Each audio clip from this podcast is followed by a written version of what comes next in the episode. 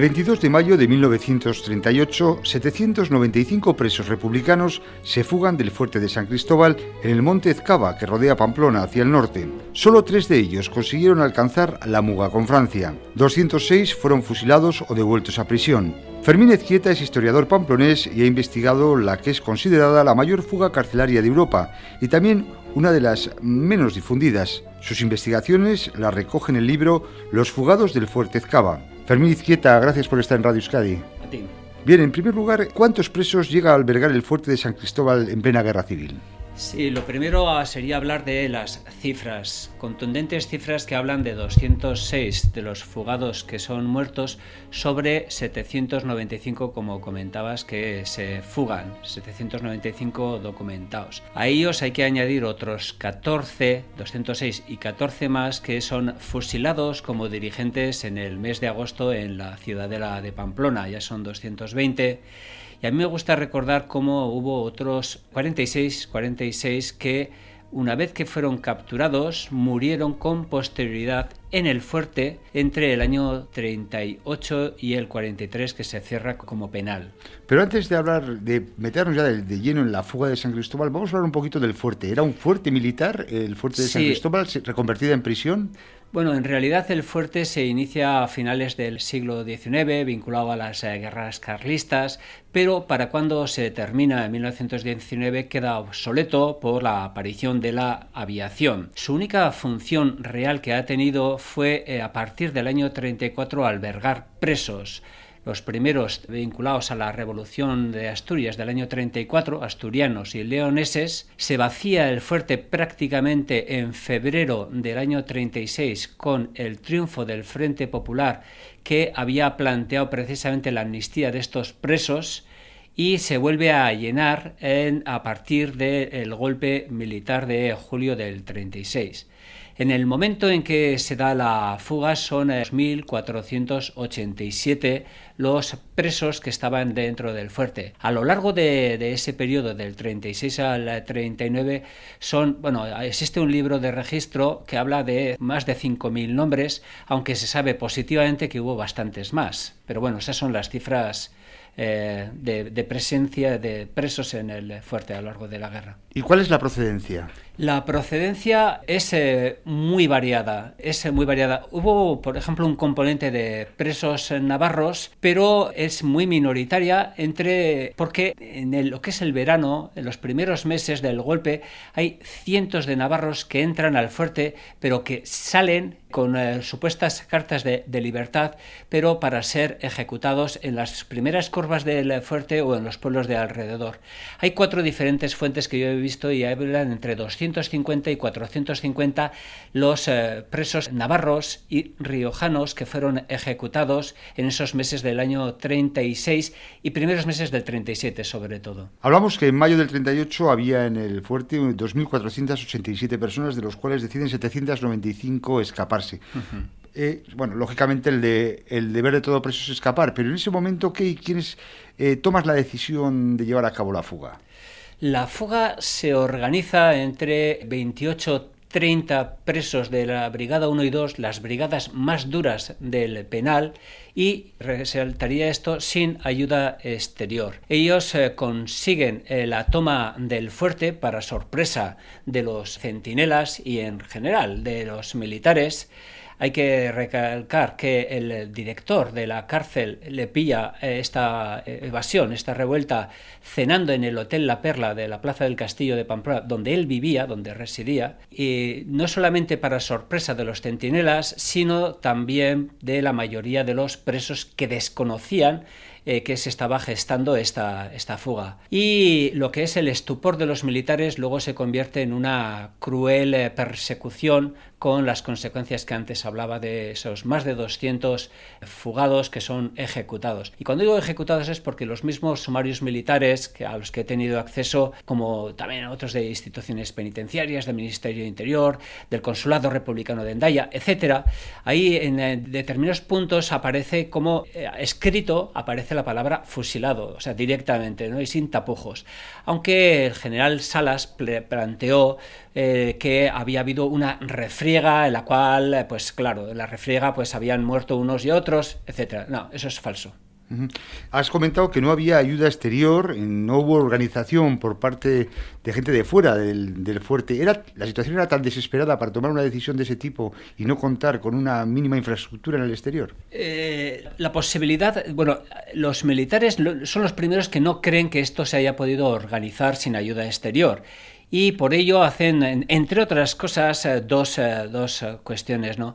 La primera de ellas es detener a muchas, a una docena de mujeres que habían estado visitando a presos, que tenían relación con los presos, y alguna de ellas, como María Larraga, está 16 meses en la cárcel de Ondarreta, de Donosti, precisamente, y, vamos, no pueden creer que no haya habido esa ayuda externa. Pero los mismos sumarios recogen docenas y más docenas de informes que tratan de recabar información si entre los eh, republicanos en la, parte de, Francia, los eh, refugiados republicanos, si había habido algún tipo de apoyo, hacen labores de espionaje porque no pueden creer que no había habido esta ayuda.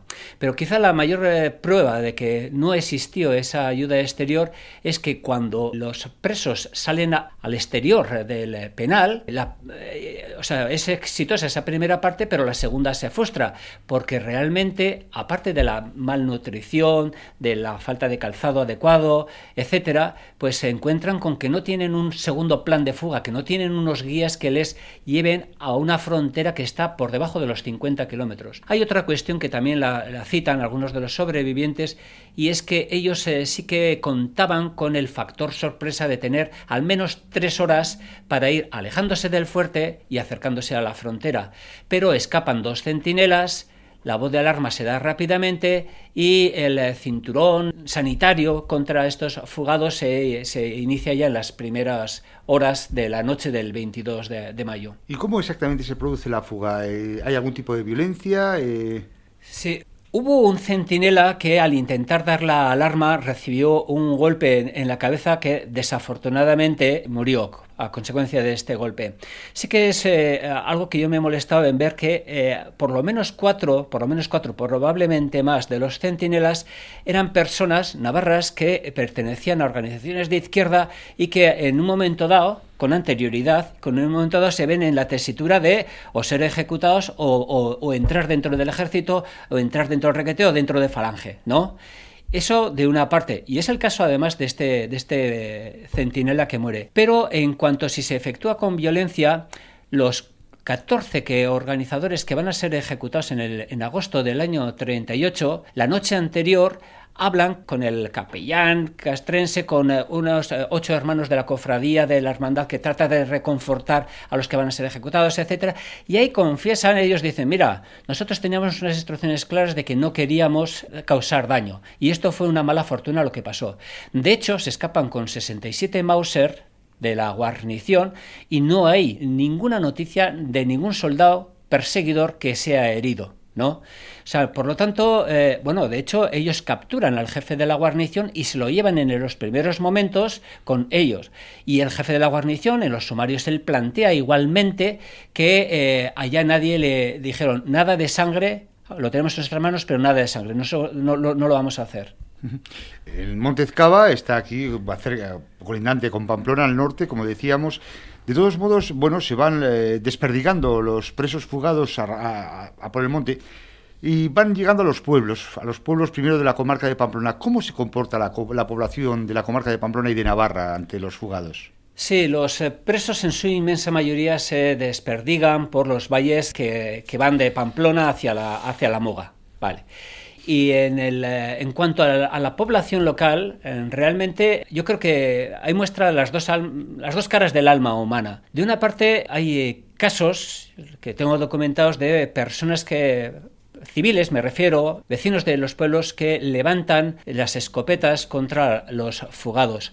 Y tiene una explicación histórica, entre otras cosas, porque vienen precedidos de que son, se han escapado una banda de peligrosos criminales y entonces ellos los ven realmente como, como algo que pone en peligro a, su, a, su, a, sus pueblos, ¿no? a sus familias incluso. Pero de otra parte, eh, los fugados que llegan a la frontera y algunos otros también hablan de pastores que les indican el camino, de, personas que les eh, dan un trozo de queso y un, y un trozo de pan y les dicen, vete porque aquí no puedes estar en Zubiri tengo documentado una persona que lo, eh, tuvo a un fugado durante unos días en su casa. Hay, hay las dos caras, en realidad. Por ejemplo, hay un caso concreto, el que ha habido unas exhumaciones este mismo año, precisamente en el IAD, de tres de los cuatro fugados que llegan al pueblo del Valle de Hues. Sí, a lo largo de este año 2015, después de investigación y después de eh, tanto trabajo de asociaciones que han estado dedicadas a esto, se ha iniciado por parte de los ayuntamientos, y yo añadiría frente a la inacción de quien tiene la primera responsabilidad del gobierno de Navarra, se han iniciado los expedientes de, de sumación.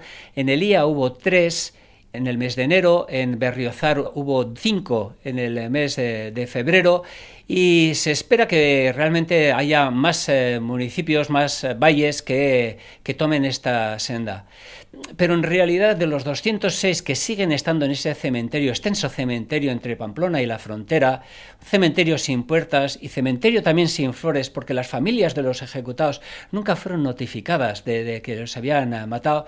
Entonces digo que de igual la manera de, de ya de poner coto a esta anomalía democrática que no se ha resuelto en todos estos años, es hacer un plan director al que se le dote de fondos y resuelva la situación de, insisto, de todas estas docenas de personas que están allá enterradas en los valles y en las regatas. ¿no? Fermín Azquieta, ¿qué es el cementerio de las botellas?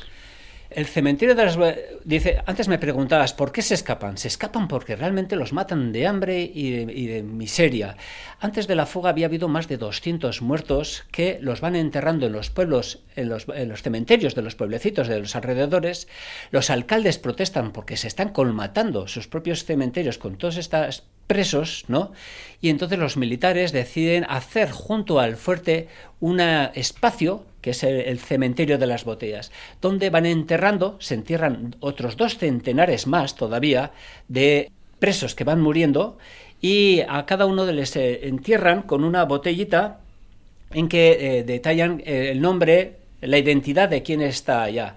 En algunos casos se perdió por el transcurso del tiempo y en otros se ha podido identificar y cuando se han hecho las exhumaciones con la sociedad Aranzadi, pues sí que se ha devuelto eh, los restos a los familiares. De los 795 fugados, tan solo tres o cuatro, ahí varía la cifra, consiguen alcanzar la frontera. ¿Qué les pasa? ¿Qué buena suerte tienen estos para poder conseguir el objetivo anhelado de la libertad? Sí, cuando hablas de tres o cuatro, queda vinculado al hecho de que en el libro documento que hay bastantes indicios acerca de que pudo llegar un cuarto que se desconoce su identidad, pero bueno, ahí está la historia.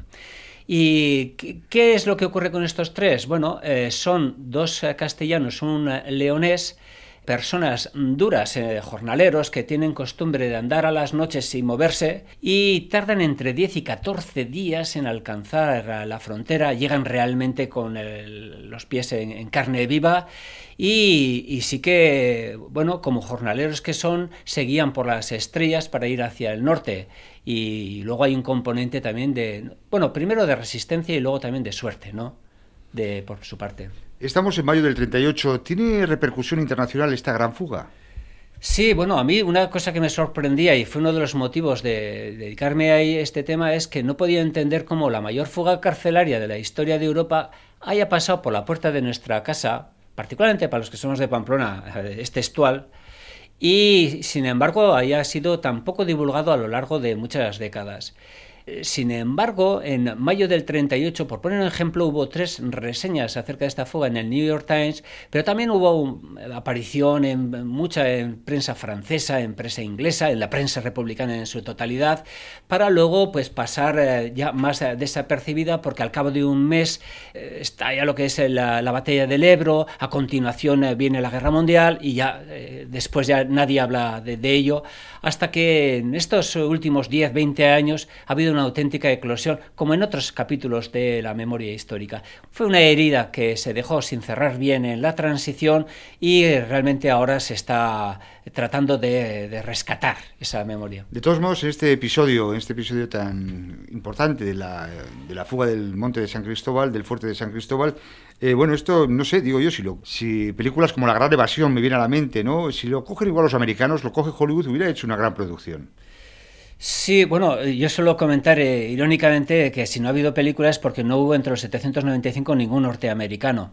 Y, por seguir un poco con el símil de que lo que hablabas, La Gran Evasión es una película que conocemos todos con ese título, en la cual documenta realmente una historia real. 72 prisioneros británicos escapan de un campo nazi en Polonia. Tres alcanzaron eh, Gran Bretaña y Hitler mandó fusilar a 50 de ellos. Fíjate qué, diferencia, son 50 los muertos, en este caso estamos hablando de 220 más otros 46, y estamos hablando de 72 en Polonia, estamos hablando en este caso en, aquí en Pamplona de 795. Tres en un caso vuelven a Gran Bretaña y tres, quizá cuatro, alcanzaron la frontera con Francia.